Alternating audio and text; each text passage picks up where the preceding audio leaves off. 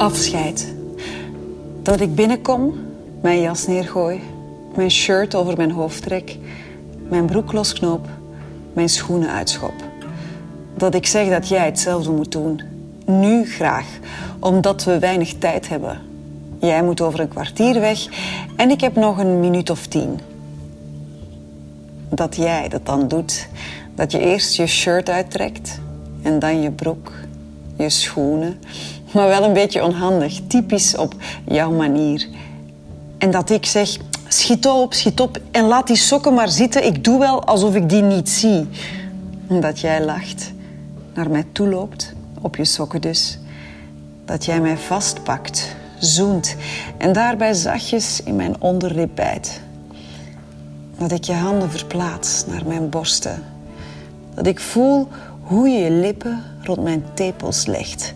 Dat ik je tong voel en dan ook je tanden. Dat je door je knieën gaat en doorgaat met je tong. En dat die dan van mijn borsten naar mijn buik glijdt. Steeds ietsje lager. Dat je handen mijn billen vastgrijpen. Dat je mij naar je toe trekt. En dat je me likt. Daar. Ja, daar. Dat je dat traag doet en precies. En dat je er je vingers bij gebruikt. Als je voelt dat je dat moet doen. Dat je me vingert en dat je tong precies weet wat ik wil.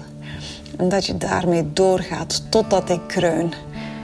Dat jij stopt, omhoog komt en zegt dat ik mee moet komen. Dat je mij richting de keukentafel dirigeert. Dat ik ga zitten op het tafelblad. En jij tussen mijn benen komt staan. Dat je zo hard bent en, en zo dichtbij. Dat je je ogen sluit als ik mijn handen om je heen vouw, je aftrek. Dat ik zeg dat ik wil dat je in mij komt. Dat ik naar achteren leun en voel hoe jij mij beetpakt. En hard, heel hard. Dat dus. Ja, dat gaan wij dus nooit meer doen. Ik kwam alleen even langs om afscheid te nemen. En ik kwam je je sleutels teruggeven en ehm, dit stapeltje boeken. Die zijn, geloof ik, van jou.